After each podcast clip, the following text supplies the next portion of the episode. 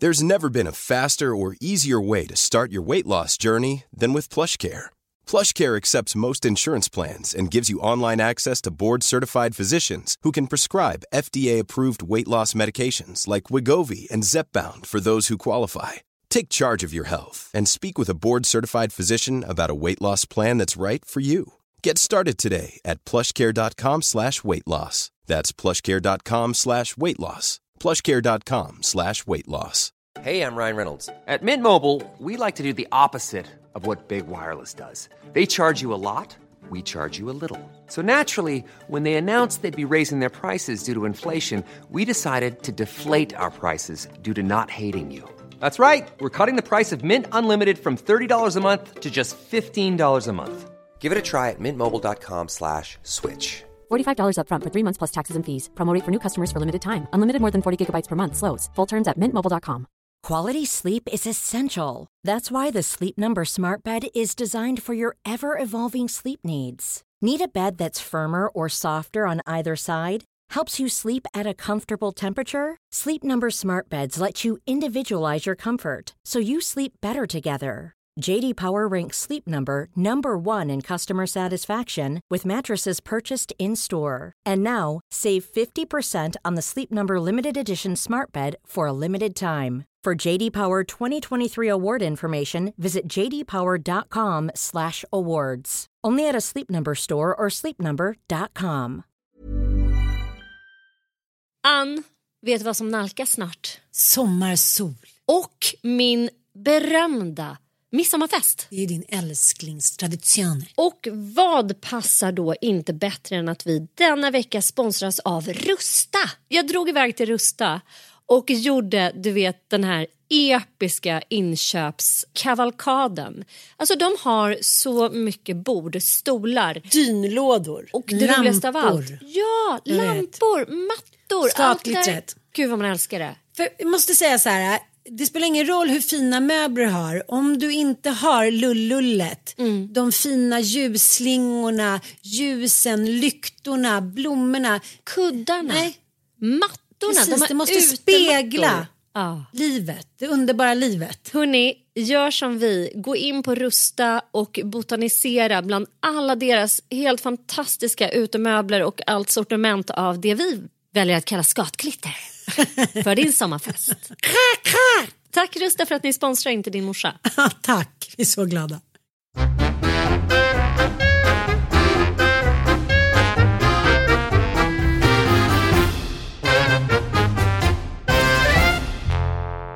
Hej och välkomna till veckans avsnitt av Inte din morsa.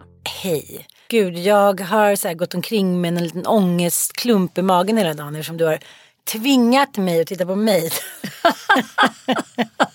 Nej, det har du inte. Men du, du, du är ju inte den enda som har eh, tipsat om den här tv-serien. Men den väckt upp massa minnen i mig och liksom kanske inte bara handlade om mig personligen utan i ett större och vidare perspektiv hur sorgligt det är att ensamstående mammor sparkas ut ur samhällets liksom gossesäng och anses kunna klara sig själva. Vi kan väl berätta lite om tv-serien.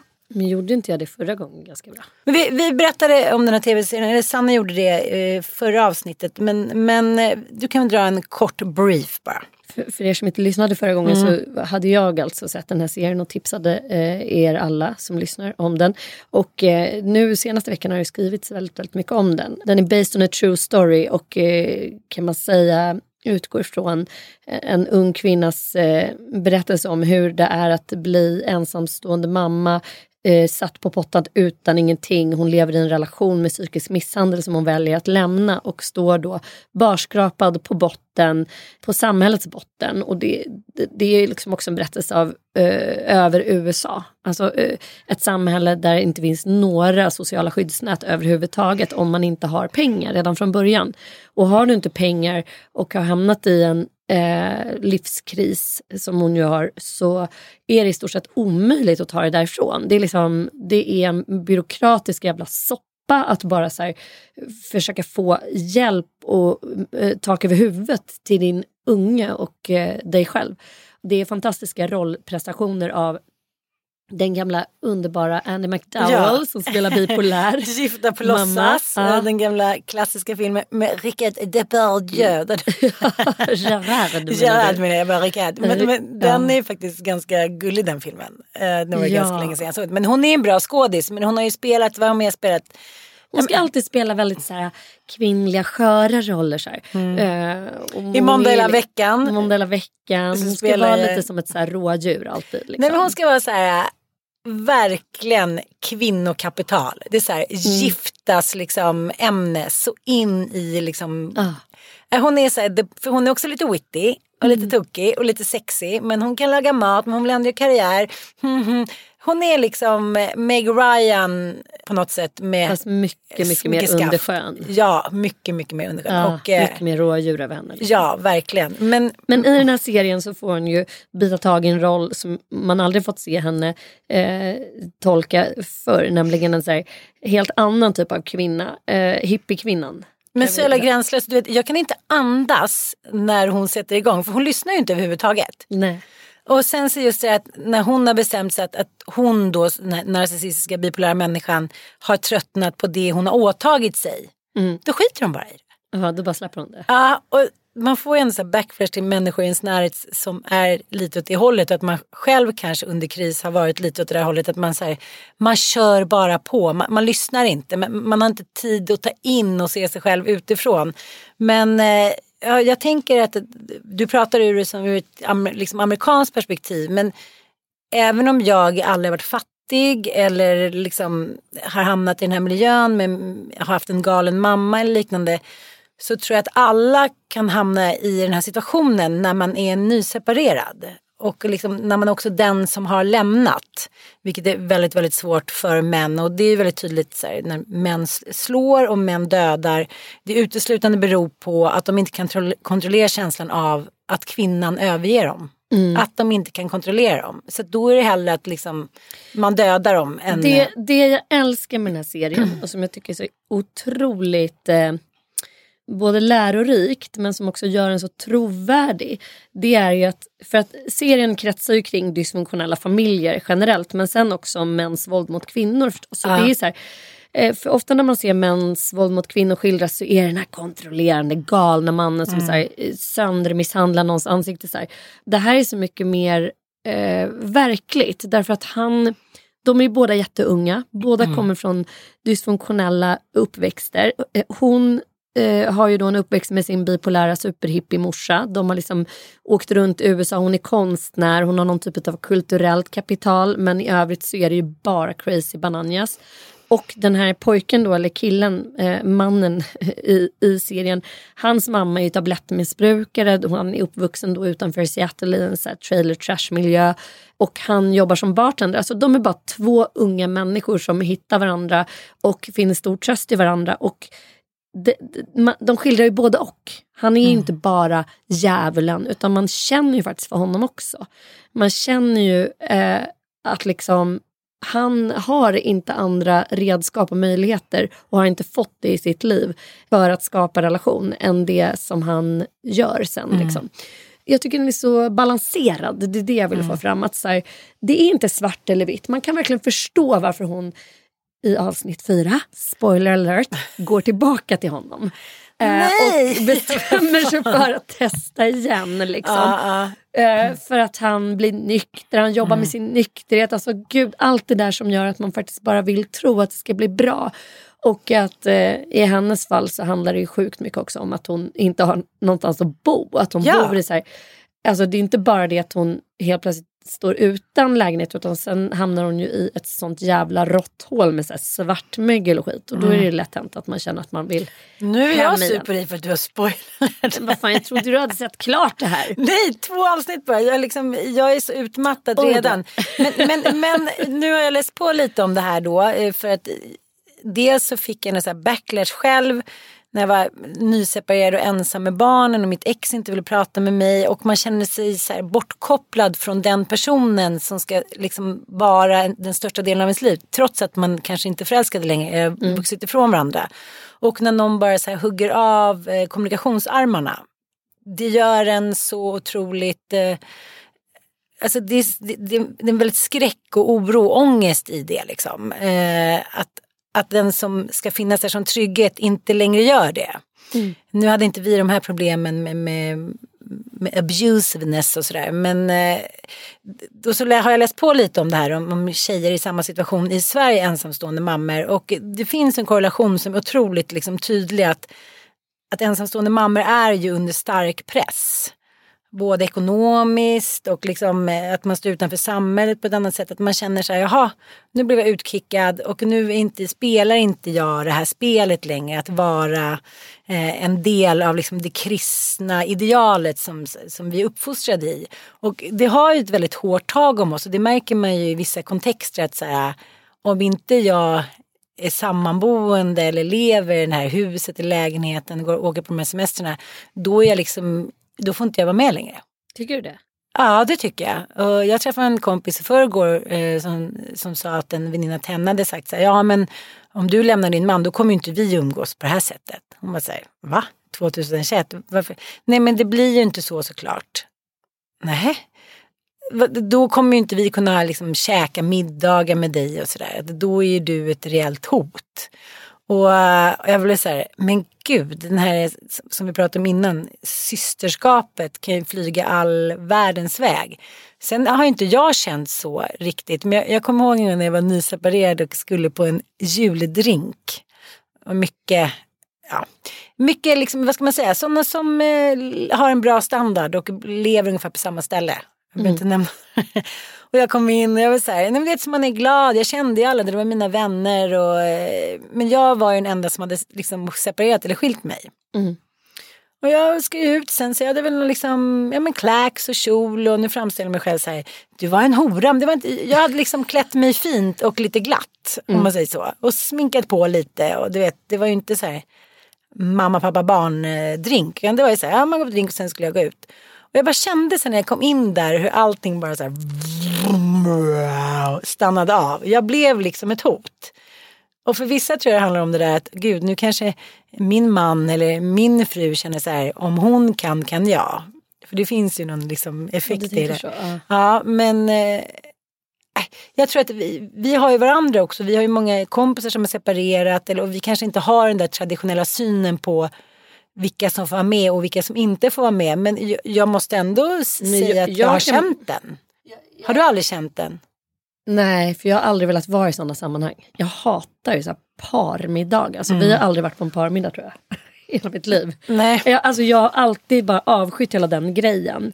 Det var en stor anledning till att jag separerade från Ville. Så var det ju för att jag bara så här, tyckte att de här äh, förljugna borgerliga liksom, eh, parmiddagarna när man ska sitta och så här, kvinnorna för sig ska ut och ta en cigg och, så här, och så står det några karlar i något hörn och ska grilla. Så jag, jag, jag hatar sånt så mycket. Mm. Jag, jag, jag, um, jag, jag får sån här uh, utbrytaranda av det, lite som på spa. Att jag blir så här, vill bara typ hugga ner inte någon men liksom. du förstår bara skjuter. fasaden. Nej, men alltså det här, vad heter det? Mm. Det är som att någon har satt upp en kuliss och så ska mm. man liksom sitta där och så ska det vara så här. Det där som är väldigt lockande liksom, när man kanske är ung och vill åstadkomma massa så här, För kärnfamiljen har ju en viss status i vårt samhälle så jag förstår precis vad du menar. Men nej, jag har alltid haft en allergi och jag vet inte om, om jag tittar på mina kompisar så är det ju väldigt få som har det är egentligen bara min kompis Jossan som egentligen har så samma... Men du vet som lever med sin gamla kar. I övrigt så har ju Carro har ju gjort slut massa gånger. Liksom. Och jag har separerat och skilt mig. Alla har i stort sett mer eller mindre skilt. Ah, Jossa, Josefin, så det är uppmixat. Ja, ja. Josefin. Så mm. det är liksom, och Margita. Alltså alla. Mm. Vi, vi är ju separerade. Ja, jag vet. Separations. liksom så. Mm. Men jag kan ändå förstå, jag förstår din spaning. Mm. Och jag förstår den där känslan av att man blir... Eh, det där är också vidrigt när någon helt plötsligt ska ta ställning. Ah. I så här, och, och, det, jag tycker inte att The Maid handlar så himla mycket om det. Eh, men, men det handlar ju framförallt om hennes frigörelseprocess. Liksom, att så här, från att vara ett eh, objekt liksom, i relation till den här killen och båda två är ju så här låginkomsttagare, outbildade, har dålig ekonomi så att de har ju liksom ett tufft liv även tillsammans. Så ska hon försöka liksom skapa sitt eget liv som mamma till den här lilla flickan som är två och ett halvt. Och det är ju liksom bara en ren jävla omöjlighet eftersom hon själv inte har något jobb, ingen utbildning, ingen Ingen som bakgrund, stöttar henne, Ingen som stöttar henne. Morsan har inga pengar. Hennes farsa som hon liksom har våldsamma minnen av. Alltså det, det är så här, hon har inget. Nej. Och den, för fan vad det är viktigt att tänka på det, eh, tycker jag. Att så här, livet är så jävla orättvist och det är så olika beroende på vad man har med sig i bagaget. Hur man ska klara igenom en sån där situation. Det är klart att livet är tusen gånger jobbigare för henne än om hon hade haft liksom en backup i form av två funktionella föräldrar som hade liksom lite cash och kunde typ betala en lägenhet till henne. Jag tänkte på det också när jag såg den, eller jag ser den nu också, mycket, nu blir det mycket tv-serier, men Deg. Mm.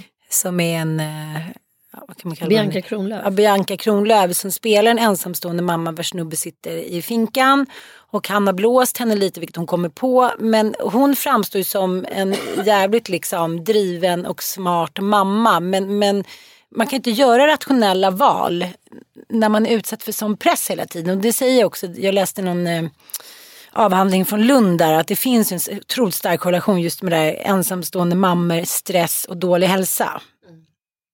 Och liksom, det följer, jag menar inte att man säger oj man måste, man, blir, man äter dålig mat och man bor dåligt bara för att man är ensamstående mamma. Men, ensamstående mammor är ju de med sämst ekonomi i Sverige och det har ju blivit sämre och sämre sedan liksom 90-talet. Men jag bara tänker på mig själv, de irrationella beslut man kan ta när man är under press med barn. Jag menar, våra killar var ju små eh, när vi hade det som jobbigast och när vi träffade varandra. Och eh, när man tänkte så här, the shit hits the fan, nu kan det liksom inte bli värre. Så kunde det alltid vara någon liten jävla trollpacka som kröp upp bakom dörren och bara, nu när jag tänker på det. Ja, eh, jag tycker att det här är, det här är en serie som man ska se tycker jag med sina tonåringar. Ja. Och prata om situationer. Att Ja, men den är, det, det som jag tror gör att den här serien bara har så här etsat sig fast det är liksom lite grann som med Stiesel. Att så här, det, det, är liksom, det är någonting mer än att det bara är underhållning. Eh, den här säger faktiskt någonting om USA idag och om det här samhället som vi faktiskt också är på väg att gå till mötes i Sverige där vi har väldigt, eh, väldigt markant ökade eh, klasskillnader. Alltså klyftor, att det finns fattigdom på ett annat sätt än vad det gör. Att det finns ensamstående mammor ute i Sverige som lever, in, kanske inte exakt så här, men på ett liknande sätt. Där livet känns så jävligt hopplöst och omöjligt. Jag har ju några sådana mammor kring mig faktiskt och jag bara ser deras kamp. Och det är så här, ju, ju längre man har fallit ju mer på botten man är, desto svårare är det att ta sig därifrån. Mm. Alltså, jag tänker väldigt mycket på att ha sossi kring sig. Hur jävla skört livet blir då helt plötsligt när människor ska gå in och börja bedöma ens föräldraförmåga. Vi som, alltså de flesta har ju inte med soc att göra under Nej. sitt föräldraskap överhuvudtaget. Men av olika skäl så kan man då hamna i en situation där man helt plötsligt har det. Och det kanske inte alls har att göra med att man har bristande föräldraegenskap utan det kanske har att göra med att man till exempel har blivit ensamstående eller eh, av, av något skäl. Liksom. Och då helt plötsligt så har man så en, en jävla kontrollinstans som du ska då leverera mot. Ja men sjukt tufft. Jag, jag, jag tycker att den här serien är eh, så viktig faktiskt. Känns så jävla patetiskt att säga det men jag tycker det. Jag med. Mm. Ryan Reynolds here from Mint Mobile. With the price of just about everything going up during inflation, we thought we'd bring our prices down. So to help us, we brought in a reverse auctioneer, which is apparently a thing. Mint Mobile unlimited premium wireless. Ready to get 30, 30, bit to get 30, bit to get 20, 20, 20, bit to get 20, 20, bit to get 15, 15, 15, 15 just 15 bucks a month. So, Give it a try at mintmobile.com slash switch. $45 upfront for three months plus taxes and fees. Promo rate for new customers for limited time. Unlimited more than 40 gigabytes per month. Slows. Full terms at mintmobile.com. Many of us have those stubborn pounds that seem impossible to lose, no matter how good we eat or how hard we work out. My solution is PlushCare. PlushCare is a leading telehealth provider with doctors who are there for you day and night to partner with you in your weight loss journey. They can prescribe FDA-approved weight loss medications like Wagovi and Zepbound for those who qualify. Plus, they accept most insurance plans. To get started, visit plushcare.com slash weight loss. That's plushcare.com slash weight loss. I'm Sandra, and I'm just the professional your small business was looking for. But you didn't hire me because you didn't use LinkedIn jobs. LinkedIn has professionals you can't find anywhere else, including those who aren't actively looking for a new job but might be open to the perfect role, like me. In a given month, over 70% of LinkedIn users don't visit other leading job sites. So if you're not looking on LinkedIn, you'll miss out on great candidates like Sandra. Start hiring professionals like a professional. Post your free job on linkedin.com/people slash people today. Wow. Nice. Yeah. What you're hearing are the sounds of people everywhere putting on Bombas socks, underwear, and t-shirts made from absurdly soft materials that feel like plush clouds. Yeah, that plush. And the best part? For every item you purchase, Bombas donates another to someone facing homelessness. Bombas. Big comfort for everyone. Go to bombas.com slash ACAST and use code ACAST for 20% off your first purchase. That's bombas.com slash ACAST. Code ACAST.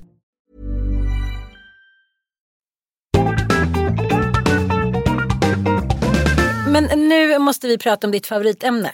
Gwyneth Paltrow. Gwyneth, det var länge sedan. Och Ja, go. men she's back. She's back with her And vagina leading- eggs and her steaming cunt and stuff like that. Nej men, eh, Nu är det, nu är det då ljus. Va? Är det ljusen du pratar om? Ja men nu är det ljusen jag pratar Hennes om. vaginaljus. Precis. Det var ju du som eh, introducerade mig eh, för Goop och de här små, eh, vad var det hon blev känd för? De här små jadeäggen som man skulle stoppa in i slidan och då kunde bli helad och framförallt man kunde få en orgasm då enligt. Ja, men hon håller ju på med mycket eh, så kallat hokus pokus som vissa tycker. Eh, och hon håller på med liksom alternativ medicin till viss del. Och, men samtidigt så hon är ju vegan så uh, Goop är ju både en, en, det är en livsstilssajt som både eh, ger liksom recepttips och livsstilstips. Men sen så har den ju också tagit då ett grepp om kvinnors sexualitet. Och det här kan man ju tycka är lökigt eller så kan man tycka att det är bra och så kan man eh, ondgöra sig över det då. Eh, och det, folk älskar ju eh, generellt att ha åsikter om det. Eh, och det hon framförallt har blivit kritiserad för det är ju såna jade, jade är ju sten då, det är Ja. någon typ av ägg, alltså knipkulor fast i en 65 back, dollar, du fattar hur rik hon har blivit på det här. Ja. Du och jag kan åka till Grekland och hämta hem lite. Nej men alltså det är så roligt för att fram till eh, Vagina Antichrist som han kallas för. eh, Dr. gynekologen Dr. Jen Gunter.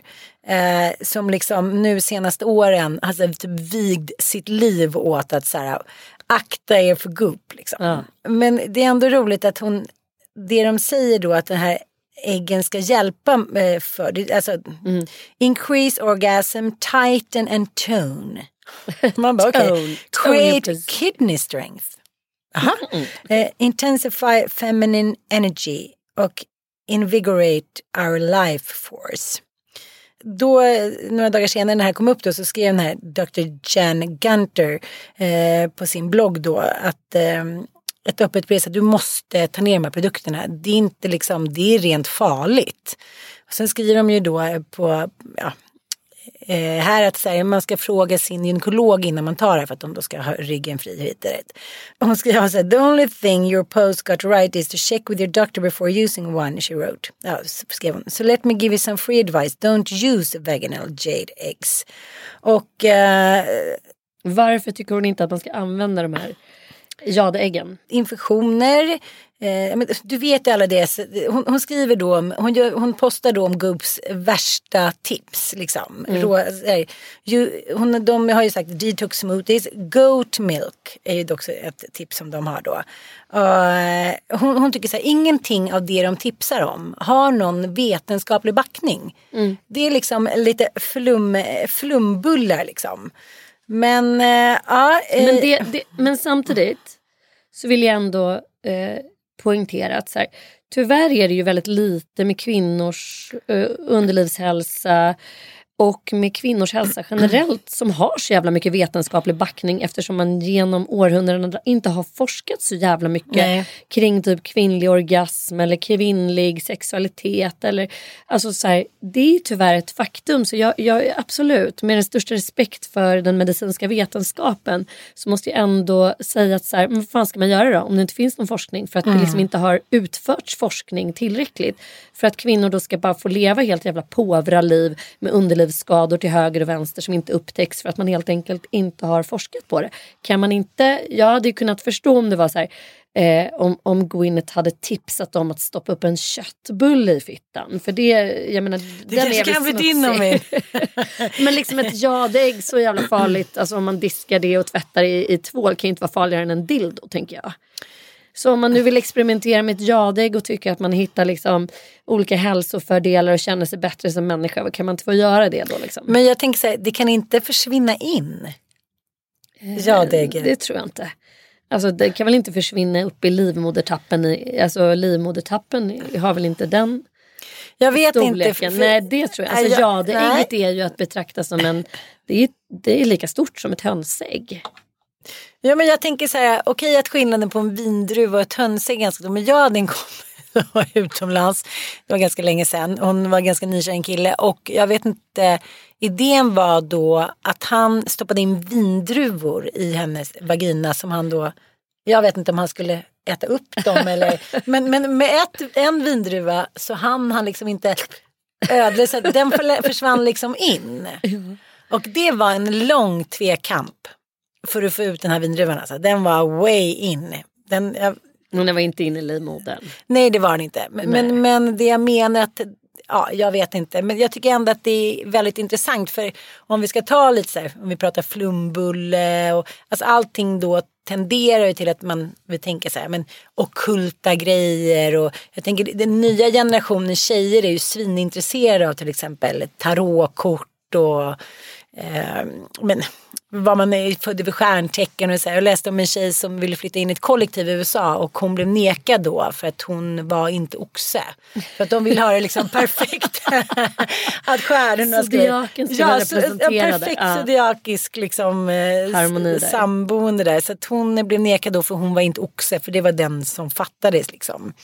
Men det finns ju faktiskt ett, ett starkt intresse. Jag tycker men när vi går på middag så det är mycket tarotkort och det är mycket energier och så. Jag tycker det är intressant. Men det känns som att det kommer lite i efterdyningen av till exempel Harry Potter och Men jag- tycker så här, här är det intressant ändå att ha snart 43 och du snart 50 år på jordklotet. Att man ser att det här så tydligt går i cykler. precis. Eh, jag brukar säga det att den så ironiska generationen, typ Henrik Schyffert, det är den sista som man ser hos en shaman. Liksom. Alltså. De var ju så otroligt anti allt som hade med andlighet och att någonting får vara lite så här pekoral och lite så här att man faktiskt bara ödmjukar sig inför energier och sånt där. Eh, och jag är, vi är ju liksom lite grann en del av den generationen fast lite efteråt. Men när jag växte upp så då var det ju verkligen så inne med, kommer du ihåg Rosie Björkman häxan? Just det. Mm. Hon var ju då liksom the hottest shit och alla, alltså vickarörelsen, det här häxeriet var ju så på gång. Och jag och Jossan och Karo vi höll ju på sjukt mycket med det där. Alltså vi, Det var tarotläggningar, det var anden i glaset och det var liksom att tillbe månen och det var, vi var hos olika healers, det var reiki healing och det var liksom Rike healing är ju väldigt populär ute i Brommalandet. Ja, och det är liksom mm, att bli spådd i tarot och eh, dessutom var min mamma då som ju liksom, hon var hade ju varit med om det här en generation innan också. Så hon var ju också väldigt inne i den alternativa världen. Och sen kom det som en backlash när allt det där bara var så här humbug, eh, kvacksalveri, man ska inte hålla på med någonting sånt. Det ströps Allt- ju. Det försvann ju. ströps. I och med, jag kan tycka så här, 80-talets inträde, så här, Wall Ja. Street, axelmuffar, den renrakade muttan, sporttjejerna, Ja. Wihuhu, Susanne Lanefelt. Så liksom, det var som att det bara... Då ska vi bara ägna Ja. oss åt det liksom fysiska och så här, helt plötsligt ska man bara träna, träna, träna och det andliga har, liksom, har ingen plats överhuvudtaget. Och det är ingenting Flumbullarna som- hamnade typ men, långt ut i skogen. Det var väl några, jag tänker på Peter Knutsson som startade Gul och Blå. Han startade ju bara Vara. Och det, mycket har ju liksom gått upp och ner men, men det Men verkar det fortfarande vara en guldgruva alltså. Ja, och det är samma sak som alla, alla alkoholisthem. Det är fortsatt guldgruvor för att det här stora andliga nöden finns ju där.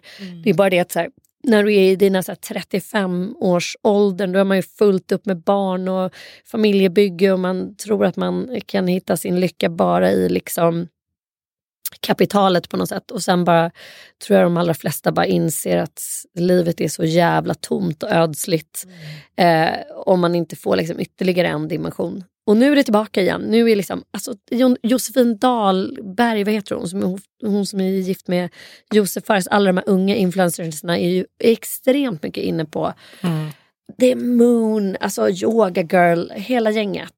Det är extremt Nej jag mycket. vet men jag tänker också om man tänker på hela gamla, garda, gamla gardet. Tänker Strindberg, Hilma af Klint, hela hennes konst är ju liksom, ja men vad ska jag säga? Så här- Mysticism. Precis, mysticism och eh, det var ju jätteutbrett där 1800-talet, slutet av 1800-talet och ja, men, de träffades ju, hade anden i flaskan och det finns ju liksom eh, ja, men mycket eh, så, Heligt och andligt. Precis, och, precis. Och jag menar, alltså det, det är väl bara så att det går upp och ner och det är eh, cykliskt där. Och, och jag tror att det finns ju hos alla människor ett behov av det här mer eller mindre. Och sen är det bara att så här, under vissa delar av eh, historien så är det så jävla markant ute med sån Mm, shit. liksom.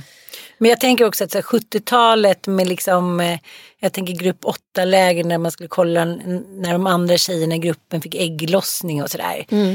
Det blev ju liksom kanske lite too much från att komma från eh, så här, 40-talet och 50-talet, sen in i 60-talet där liksom hela den här revolutionen för kvinnan påbörjades. Och så sen plötsligt så blev det liksom eh, hippiedelen om man ska säga, eh, den rörelsen eh, är ju lätt att liksom skratta åt och fördumma lite. Mm.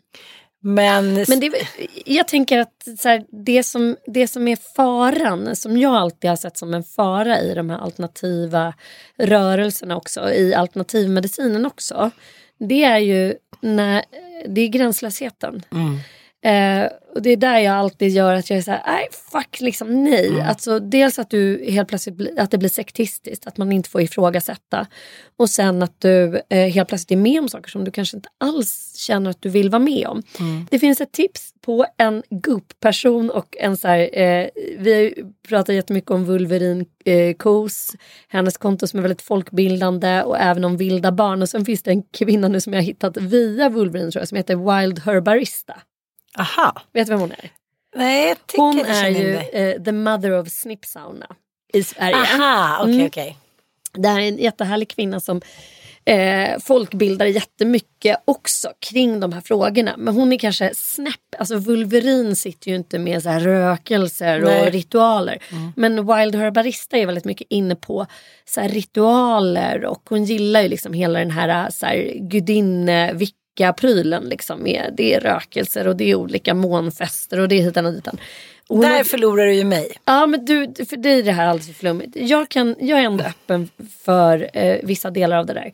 Men hon beskriver här nu för eh, några veckor sedan hur hon är på ett så här typ kvinnoläger av något slag med någon så här, eh, person i de här kretsarna som är väldigt upphöjd. Eh, där man då eh, ska på det här lägret ja, typ inte kolla varandras ägglossning men man ska klä av sig naken och liksom titta på sitt kön i spegel. Det framgår inte riktigt exakt. Men hon känner så starkt att hon inte vill det. Eh, Ja. Wild Herbarista. Det här har varit en så stor grej på Instagram. Ni som följer de här kontona vet vad jag menar. Ni som inte gör det, gå in och kolla lite. För det här är faktiskt jävligt spännande. Hur man i eh, även sådana här trygga, påstått trygga rum kan känna sig övergreppad. Eh, och det som händer är att den här då gurun, den här kvinnliga gurun tvingar henne Jaha. att göra den här övningen. Hon känner instinktivt att det här vill inte jag. Det här är liksom bortanför min gräns, för min integritet. Jag vill inte det. Men den här kvinnliga, jag tror att hon är amerikan, det framgår inte riktigt. Men hon liksom driver henne att göra den här Mm. övningen så här. Det är nu du ska göra det. Ibland måste man liksom våga och gå emot sin, sina liksom rädslor. Ja, jag och så fattar, jag fattar. så att hon gör en grej eh, och dagen efter så vaknar hon med precis samma känsla som när hon hade varit ung och blivit övergreppad av en Ah, kille. mm. Att så här, fy fan. Och, eh, så att senaste veckorna har hon liksom ägnat sig så jävla mycket åt att så här, sanera i sin, i sin, sin egen bransch eller vad man ska säga. Och liksom faktiskt eh, få människor att tänka till när man söker sig till Oavsett om man går till en läkare eller till någon annan så här snippsauna-människa så måste man... Alltså, sen, jag, kan, jag har känt det ibland när jag har varit eh, hos vissa gynekologer. Mm. Att så här, du blir instruerad att Massörer. göra någonting. Ja, men visst, alltså, så här, fy fan, det här var jag inte okej med. Mm. Det här var jag inte beredd på, jag var inte okej med det. Det här var inte på ett sätt som fick mig att känna mig eh, värdig eller vad man ska säga. Och jag tror att det är så jävla många kvinnor som är med om det hela tiden eh, i den här typen av sammanhang där man är så utelämnad och så eh, på ett eller annat sätt eh, får sin integritet väldigt ifrågasatt. Mm. Och där man bara så här, eh, man förväntas vara helt så här bekväm med det. Mm, mm. Eh, och är det sjukt spännande. Gå in och, och kolla på hennes konto, Wild Herbarista. Men jag tänker, när, när, det var ju ett tag sedan när vår eh, kompis Fia Agogo inbjöd då eh, dig och mig och Micke och Mattis att då göra eh, ett eh, digitalt eh, möte då där vi skulle introduceras till eh, Tantra. till tantra. Och eh, ja, Micke och Mattias kan vi kanske redan så räkna bort. För det skulle... Då skulle vi typ behöva, jag vet inte vad vi skulle behöva göra med dem för att det med. Men, jag tror Mattias skulle, han skulle nog ha väldigt svårt för det. Han är ganska liksom fyrkantig när det gäller det där, i alla fall inför andra sådär.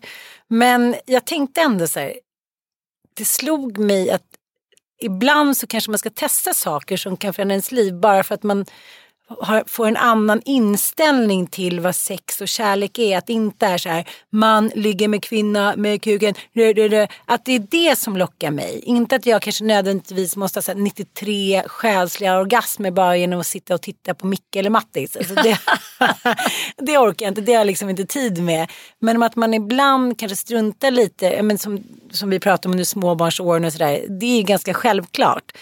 Men att man sen kommer tillbaka lite i att vara den kvinnan man var kanske innan barn eller kanske en, en starkare och tydligare bild av sig själv. Så förstår jag lockelsen i att, liksom, att allting inte ska vara så endimensionellt. Men det är som du säger, därifrån och till att gå överstyr. Man måste nog vara ganska stark där själv. Och det är väl ganska tydligt att människor som är på sådana här läger eller går på lite sånt som det finns ju saker som är uttalat kvacksalveri. Kommer du ihåg när jag skulle då testa vad jag tålde och inte hos den där kvinnan på Söder? Nej men liksom du vet, där, där sitter jag ju i väntrummet, har blivit ditskickad av min syrra och min syrra tycker att det är jättebra och hennes döttrar också. Men för mig, där och då kände jag så här, nej men jag är slut som person, jag har ingen energier kvar. Här blir jag utnyttjad. För, för det behöver inte vara en vetenskaplig liksom beläggning för allting. Men, men när man uttalat sig att man kan ta reda på med något tyskt instrument från andra världskriget. Där man sitter och håller i någon så här hum, lo, lod, vad ska man säga, ett lod. Som man då säger, så här, trycker man in i, så här, tänk dig under krigstiden så sätter man in olika här, ja, kontakter i en sån här liten metallapparat. Så bara, Is it Deutschland? Is it Deutschland? Det var en sån maskin liksom. Och stoppade hon in olika och så sa hon, tål en avokado? Och då började det skaka och då tålde inte jag avokado. Och så var det så här 200 grejer och till slut när jag fick tillbaka den där lappen, jag tål ingenting. Nej, jag tål inte tonfisk, jag tål inte eh, mjölk, jag tål inte, alltså jag tål överhuvudtaget ingenting. Och för då började det darra så himla mycket. Och då tänker jag så här, hur stark kan mina energier mot avokado vara? och hon skulle då göra upp ett program att jag skulle komma dit tio gånger och hon skulle med då med en magnet tjonkatjanka ta bort då min, jag hade då inre svamp och mögel och så i kroppen. Mm. Eh, däremot tror jag verkligen bör säga, men som dieter och liknande, att man, att man äter rätt. Men att bara ligga ner och få någon form av elektrod eller magnetism och sen ska hela mitt sjuka inre försvinna. Så det finns ju vissa som är så uppenbara, men, men det är ju sökande människor och det är ju det man också ser i sekter och liknande Fan vad de är bra på att nosa upp. Precis som så killar som kan nosa upp en när man inte mår så bra. Som ja. kan utnyttja en. Men liksom också så sjuka grejer. Jag har en, en bekant till mig. Eh, som har varit så här, jag ska inte säga förlorad, för jag vill inte säga det, för jag har verkligen ingenting emot. Jag kan verkligen förstå att människor vill kliva in i den alternativa världen för att man eh, på olika sätt inte får hjälp i så traditionell vård. Så att man bara säger, jag, jag har ingen lust att må så här pissdåligt äh. så att jag testar vad fan som helst.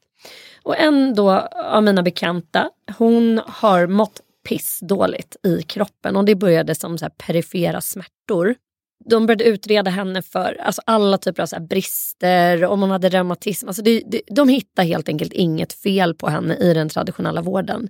Men det var ett faktum och det här kunde vi alla som var kring henne se. Att så här, fan, hon mår ju så jävla dåligt.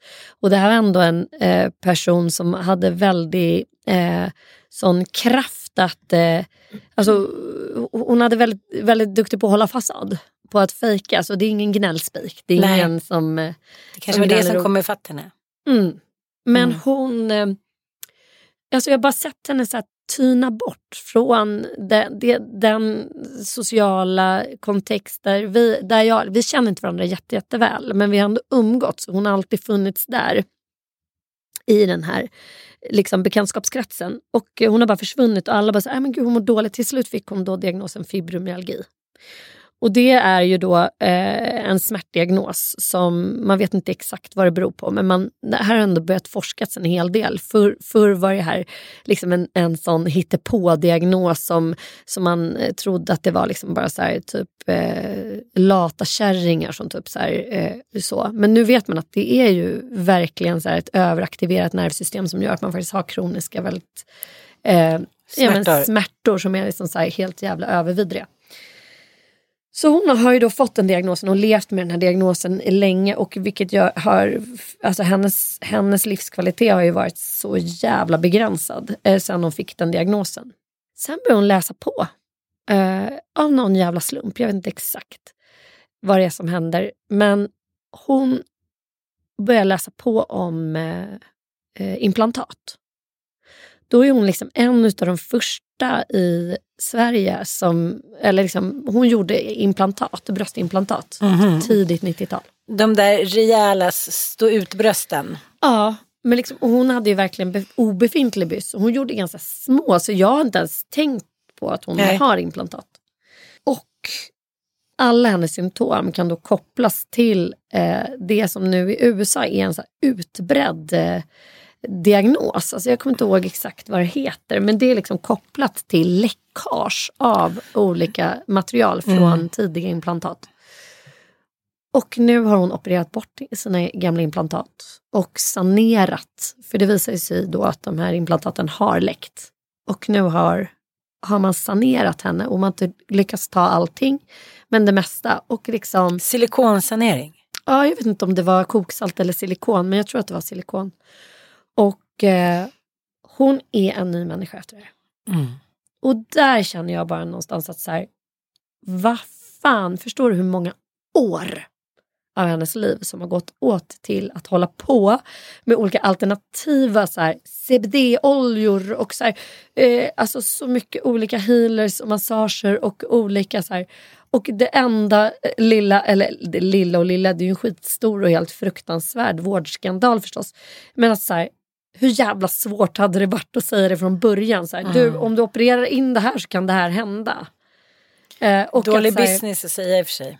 Jävligt dålig business. Mm. Alltså, det skulle väl väldigt få ha konstigt, Jag drömde men... att du och jag eh, var provade implantat i natt. och att vi till slut bestämde oss. Vi hittade liksom droppformade som såg väldigt, väldigt naturliga ut. Men nej, det blir inget nu va? Nej, det blir absolut det blir ingenting. Alltså, Nej men det är väl inte så aldrig. konstigt. Jag- jag- och, jag tänker, och jag tänker att det, eftersom alla liksom så kallade eh, kända människor med perfekta tuttar. Jag tänkte, men hon har inte gjort något. Men, men det går ju att göra perfekta implantat så det ser ut som att man inte har då implantat utan bara är så här 50 och har liksom 20 års tuttar. Men eh, det, eftersom allting ska vara så hemligt kring sånt, botox, eh, att man fixar sig, bla bla, fast hela världen gör det. Så blir det ju heller ingen öppen diskussion om det. Och eh, du och jag är med på eh, Hej, eh, Heja livet. Och där blev det en diskussion om implantat, någon funderade på att liksom, eh, göra brösten och sådär. Och då var det en tjej som skrev någonting som jag inte hade tänkt på. Just det där att eftersom det inte är en naturlig del av din kropp, så när du är ute och det är kallt och kommer in, då tar det ett tag innan det värms upp. Jag känner så här, jag som alltid håller på att sitta och håller liksom händerna på mina tuttar och Frasse är på tuttarna och alla är på de där tuttarna. Så bara att jag skulle gå in och sätta mig så skulle jag hålla handen på mitt bröst och så var det som en stel isklump. Alltså då skulle jag ju känna som jag var en alien i min egen kropp. Mm. Att det är mycket sånt där som man inte riktigt så här pratar om för att det är ju ingen som har gjort brösten. Nej, och eh, obs till alla som lyssnar. Jag, jag lägger ingen moralisk värdering i att göra tuttarna. Jag kan Inte verkligen heller. förstå att man vill det. Jag själv Ja. känt så åh gud det skulle vara skitkul. Och, alltså, jag, jag, jag lägger inga värderingar alls i det. Men däremot så tycker jag, för att koppla det till liksom vår tidigare spaning här med eh, kvacksalveri och humbuggeri. Och, eh, alltså att man kan gå runt och ha eh, en åkomma som är så jävla enkel att förklara. Och så har man liksom givit det så här tio år av sitt liv, extremt mycket sjukskrivningar och så här sjuka pengar. Och Ja. kvacksalveri är inte gratis det heller. Ska Nej, gudarna nej. veta. Och, eh, En reiki healing session bara 1500 spänn. Mm. Och ingen vet vad som hände.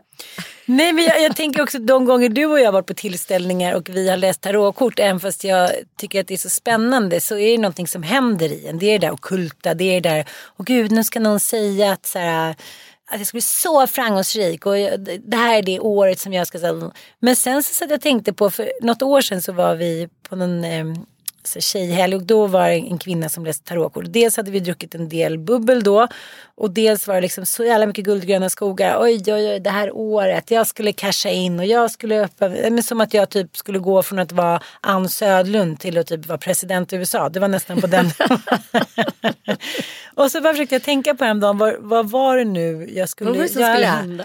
och jag kommer ju aldrig ihåg alla dessa tarotkonstellationer. Jag, är så här, jag kommer inte ihåg en enda grej. Överhuvudtaget. Så äh, ah, gud. Ja, men så att jag tänker att jag har ju varit hos eh, liksom medium och sådär flera gånger. Men det enda jag kommer ihåg, det enda som jag kommer ihåg som jag faktiskt verkligen blev lite så här. Uh, uh, det var när min mamma nyligen hade gått bort och så skulle jag eh, träffa den här kvinnan för vi kanske skulle göra en pilot. Det har ju varit mycket. Ja, men det har ju varit en trend. Du, var ju med, du och jag var ju med på det här äh, spökprogrammet. Herregud. Åh vad jag skulle vilja. Eh, Alltså gud, jag skulle vilja göra om det där. Ja. Nej men fy fan, men hon var inte ett bra medium. Det var nej, inte. nej, men till hennes försvar, så här, hon kommer från Norge, hon har precis kommit dit, vi kommer in så här, fyra vilsna själar som är så här, nu ska hon berätta om oss. Alltså, det är klart att det inte kan funka. Men, men det som jag kommer ihåg var att då hade jag haft jättebråttom så jag cyklade dit. Jag hade typ sådana brallor som jag har idag, 70-talsbrallor. Och de fastnade i kedjan och det var så nära att jag drattade liksom på näsan. Och det blev så här panikgrej. Och jag kom in och var så här, hej hej och, eh, och så körde vi den här stationen och jag grät och jag skulle träffa min mamma. Vilket alla dessa gånger som jag ville träffa min mamma så har jag, det har jag aldrig liksom lyckats göra. göra, Nej.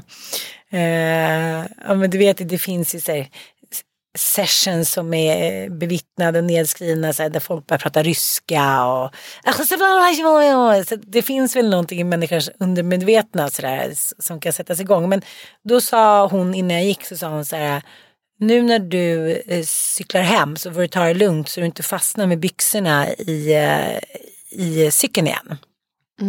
Jag är så här, aha, okej. Mm, ah. Nej men du vet, och det var så liksom, det var inget, det var bara så här, hon, hade, hon sa att hon hade sett mig eh, komma åkande där. Och när du och jag var på bokmässan också så eh, satt vi, var inte du med då? När vi satt och åt med han där skåningen. Jo, jo. Ja. Och han säger det att det är så otroligt jobbigt för man kan inte gå fri från det. Utan han menar att går han på stan och ser någon som är drabbad och ska drabbas något, då är det som stora liksom brinnande flashes i honom där han ser stora bilder och liksom sådär. Sen kan man ha intuition. Du har ju pratat flera gånger om att du har känt saker sådär. Gud, det är någonting som känns... Jag, det här, jag må, ja, bland annat någon flygolycka du berättade om. Så att, du vet att jag också tror på sånt här men, eh, men ibland blir man vill ju gärna vara inne i deras hjärna för man vill veta om det är sanning eller inte. Mm. Vi vet ju inte. Jävla irriterande. Ja men du, berätta när du... Men, men jag, har, alltså jag har ju varit hos mängder, jag älskar ju sånt här och jag tar det ofta med en nypa salt. Men vi, vi har ju två, två spå, spåupplevelser som jag har varit med om som jag tycker ändå har gått i historien av liksom du vet när man är så upprymd Ah, så att man ah. dör. En av dem har liksom, gjorde mig inte upprymd då. Och det var ju när jag var tillsammans med Ville. Eh, Olga var väl typ ett och ett halvt då. Och min mamma var ju som sagt mycket inne i den här typen av business. Och hon var ju, så här, eh, hon var ju, hon var ju liksom precis som du. Hon blev så här kompis med allt och alla. Så hon hade varit inne och handlat smink på Face. Och då var det en kvinna som jobbade där som hon då råkade bli bästis med. Så här, det hände ju mamma hela tiden. Och hon var eh, från Warszawa. Eh, Så hon bara, ah, men jag, det ska komma över en kompis till mig. Eh, hon spår i spelkort. Eh, hon kommer från Warszawa ikväll. Vill inte ni spå er? Vill inte du och din dotter spå er? Det var inte ens tarotkort, det var så här spader. S Ja. typ. Och, Ja, Okej, wow. Och mamma bara, vill inte, ska hon komma och spå? Vi kan liksom komma hem till dig och spå. Eh, För hon, hon jobbade på Face på Götgatan, den här polaren till mamma. Så de kom över till mig och Ville var, tror jag, ute och jag vet inte fan vad han gjorde, han var i alla fall inte hemma. Eh, och dit, dit kommer då en sån här riktig gammal mo- mormors babusjka liksom och eh, drar fram sina gamla kort, en sån här tummad gammal kortlek. Och hon eh, börjar eh, spå mamma och det, det var flummiga grejer om USA. Jag kommer inte ihåg mammas spådom men det var så här, ja, det var imponerade inte så jävla mycket. Sen spådde hon mig. Eh, och just där och då tyckte jag bara så här, men gud vad är det här? Oh. typ. För hon var ju extremt mycket inne på ekonomi och pengar. Det var liksom det som var det viktigaste i hennes liv tyckte hon. För oss kvinnor. Så hon var såhär, ja, hej, så, ja, ja, nej, det, du kommer skilja dig från den du lever med. Och det här var ju liksom när jag och Ville absolut inte ens var på väg att skilja oss. Så jag tyckte det här var så jävla stört av henne att komma och säga. Så redan där blev jag ju såhär, nej hon är fel ute, det här är ingen bra spåtant. Ja du kommer skilja dig så här. Ja, och sen eh, efter det kommer du träffa en kille under en period. Han är inte bra, hoppa över honom på en gång. Sen kommer du träffa ditt livs kärlek. Och där, där kommer det bli tryggt ekonomiskt. Eh, jag vet inte, det är liksom inte han som kommer förse dig med pengar utan, nej, utan han kommer hjälpa dig med ditt, gud jag ser, ja det är olika masker, det är olika förklädnader och masker. Eh, ni kommer jobba med ungefär samma saker, det är mycket förklädnader och jag bara, fan snackar kärringen om, alltså det här är så overkligt. Och ni kommer bo, jag ser ett stort vitt hus framför er. Och jag ser en allé framåt. Eh, Nej. Jo. Och det här, jag kommer att tänka på det här bara för några veckor sedan. Det var någon annan jag började prata om. Det var jag och Sofia kanske, för hon är väldigt mycket inne på, på det andliga. Och då kom jag att tänka på den här spådomen att så här. För fan varenda jävla grej som hon sa till mig då har ju på ett eller annat sätt prickat in liksom. Mm.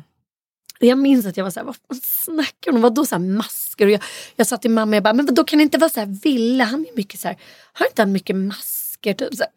Mamma bara, nej han har inga masker. Vadå Typ så här. mask? Alltså, Masker spelar olika roller? Ja men det är roller, det är liksom Mm. skådespelaren. Alltså kan det bli tydligare än liksom nej, nej, nej, nej, nej.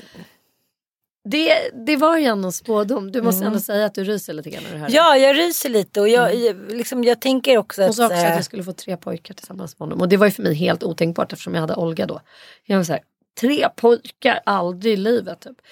Nej men det var, det är sjukt när jag tänker tillbaks på den spådomen. Jag önskar så att mamma hade varit vid liv. Så att hon hade, för hon var ju med och bisittare så hon hade ju kunnat så här, nu i efterhand är det så, det, jag kommer inte ihåg exakt allt hon sa.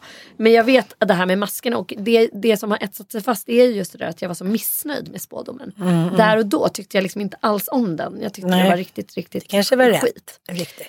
Eh, och sen, kommer du ihåg när vi var på det här bisarra hälsohemmet i Norge med vår gemensamma Ja, kompis Gigi? Nej men alltså den här spå... Men hon spådde, hon var ju riktigt old school och häxa. Hon spådde i kaffesupp. Ja och det här var ingen så här människa med kristaller och skit utan det här var ju alltså en riktig norrländsk häxa. Nej, men här kände jag heller inte, hon ville ju inte ha pengar. Nej, hon ville hon ville ju inte liksom att man skulle få någon så här härlig upplevelse med så lite rökelser och så. Nej, Utan det sjuka var att man kommer in på ett hotellrum där hon har dukat upp ett kafferep. Mm. Man bara, vad fan är det här? Hon bara, jag har tagit det här. på-" Alltså hon var ju lite natt i den här härliga människan. Ja, men det var ju liksom, det här var ju seriös skit. Ja, det här var ju som att komma in till sin gamla farmor. Ja. Det fanns inte en enda eh, flumattiralj i rummet. Det fanns inga rökelser, det fanns inga tarotkort, det fanns inga änglar. Det fanns ingenting annat förutom att hon hade dukat upp ett litet kafferep på ett bord. Hon var väldigt varm också kommer jag ja, ihåg. hon var extremt varm både till känsla och fysik. Men hon såg verkligen ut som en liten mormor också med lite så här lagt hår. Ja, lite lagt hår. och Det var en liten så här gumma Ja, verkligen. ja. Mm. Och hon spådde ju då i kaffesump. Just det. Så vi skulle alltså dricka upp det här kaffet medan vi satt och pratade med henne. Och sen skulle vi bara Just vända det. koppen upp och ner. Fan, vi på på fatet. timmar. Och sen började hon läsa i då den här sumpen som hade runnit ner. Det var ju kokkaffe. Hon hade med sig en Just. liten platta och koka kaffe till oss där. Och kom, jag, bob, jag hade bobo va? Du hade Bobo med dig. Och det tog aldrig slut. Vi käkade Nej. typ middag halv ett på natten för att hon var så här, hon gav sig aldrig. Hon gav sig inte. Och hon sa ju massa grejer. Jag kommer inte ens ihåg vad hon sa till mig. Men hon sa ju massa grejer till dig om din pappa. Ja, jag kan ju säga att även där så stämde ju spådomen. Eh, jag, jag kan inte gå in på närmare detaljer om exakt vad det var hon sa. Men det var ju då en besvärjelse hon ville att jag skulle göra. Det jag skulle ta en tioöring. Just det. Och var- hon hade bara- ju små gamla mynt Hon hade med sig. mynt. Jag skulle ta den här tioöringen och vi skulle liksom hålla på och spotta och hitan och ditan och åka till en vägkorsning och slänga den där. Och vi bara, alltså, det. finns ju ingen vägkorsning i det här jävla skog. Alltså mitt in the middle of nowhere. Det var därför han blev soloporad. det är ditt och mitt fel. Vi bara, oj förlåt. Ja. Ja, nej för fan. Nej men det är väl roligt att det finns, jag vet inte. Det är så här, ibland så kan det faktiskt eh, hjälpa en trasig själ. Mm, Liksom, det har det gjort för mig flera gånger och det, det jag, jag tänker så att det finns ju inte av ingenting. Och ja, som avslutningsvis här nu så ska jag då ge ett litet boktips. Vi har en liten ny jingle här som, eh, som Rickard har hittat till oss. Play it again, Richardo. Ja. då är jag då eh, lite inne på det här okulta. Då är det en bok då som eh, Per Faxne, eh, Faxneld. Tror du att det är ett taget namn? eh, han har ju intresserat sig då väldigt mycket för det här med generationen Harry Potter och eh, ja, den generationen då efter som intresse- efter Harry Potter som intresserar sig för tarotkort och astrologi. Eh, men som han skriver i den här boken att det här har sina rötter långt tillbaka i tiden. Och i sin senaste bok då, Det okulta sekelskiftet, esoteriska strömningar i Hilma af Klints tid. Snälla ha en lite längre titel på din bok. Eh, då eh, skriver han just om det här. Och eh, för många är det en okänd värld som man är väldigt nyfiken på. Men han, han berättar om det historiskt vilket jag då gillar. Väldigt spännande. Jag tycker det är ganska intressant så här att det finns en, en fransk författare som levde på 1890-talet. Hon hette Anatole France hon var nobelpristagare. Och hon skrev 1890 då att om man ska förstå samtidskulturen så måste man ha grundläggande kunskaper om okkultism. Och eh, bland annat då, ja, men Ivan Ageli och ja, men Karl och Karl Larsson höll på mycket med okkultism i Paris och Strindberget, Södergarn och alla påverkades av den tidens strömningar. Det är en eh, spännande bok tycker jag om ni vill läsa om eh, ja, det här då. Eh, orkar inte ens läsa eh, titeln igen men ni kan söka på Per Faxneld. F- F-A-X-N-E-L-D. Eh, ja, lite spännande, jag kan säga den igen då som avslutning. Det okulta sekelskiftet, esoteriska strömningar i Hilma av Klints tid. Tack för att ni har lyssnat. Nu kanske vi ska gå spå oss. vi ska ju eventuellt träffa en kompis som älskar spådom. Precis. Ah. Hej då, eh, dela gärna med er av era egna och kulta eh, upplevelser. Puss och kram.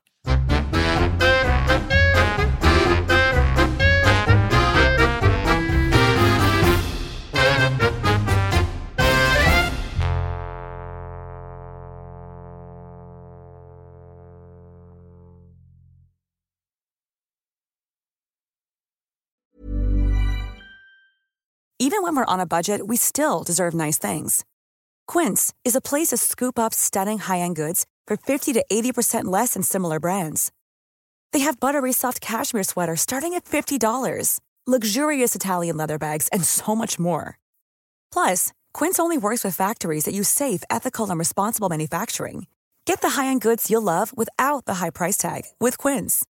Go to quince.com/style for free shipping and 365-day returns.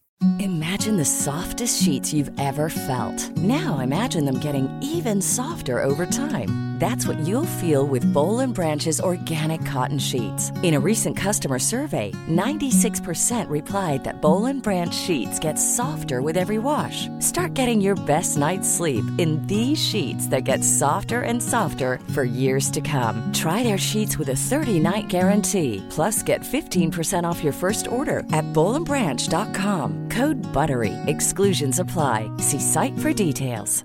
Hi, I'm Daniel, founder of Pretty Litter. Did you know cats tend to hide symptoms of sickness and pain? I learned this the hard way after losing my cat, Gingy. So I created Pretty Litter, a health monitoring litter that helps detect early signs of illness by changing colors, saving you money and potentially your cat's life. Pretty Litter is veterinarian developed, and it's the easiest way to keep tabs on your fur baby's health right at home. Go to prettylitter.com and use code ACAST for 20% off your first order and a free cat toy. Terms and conditions apply. See site for details.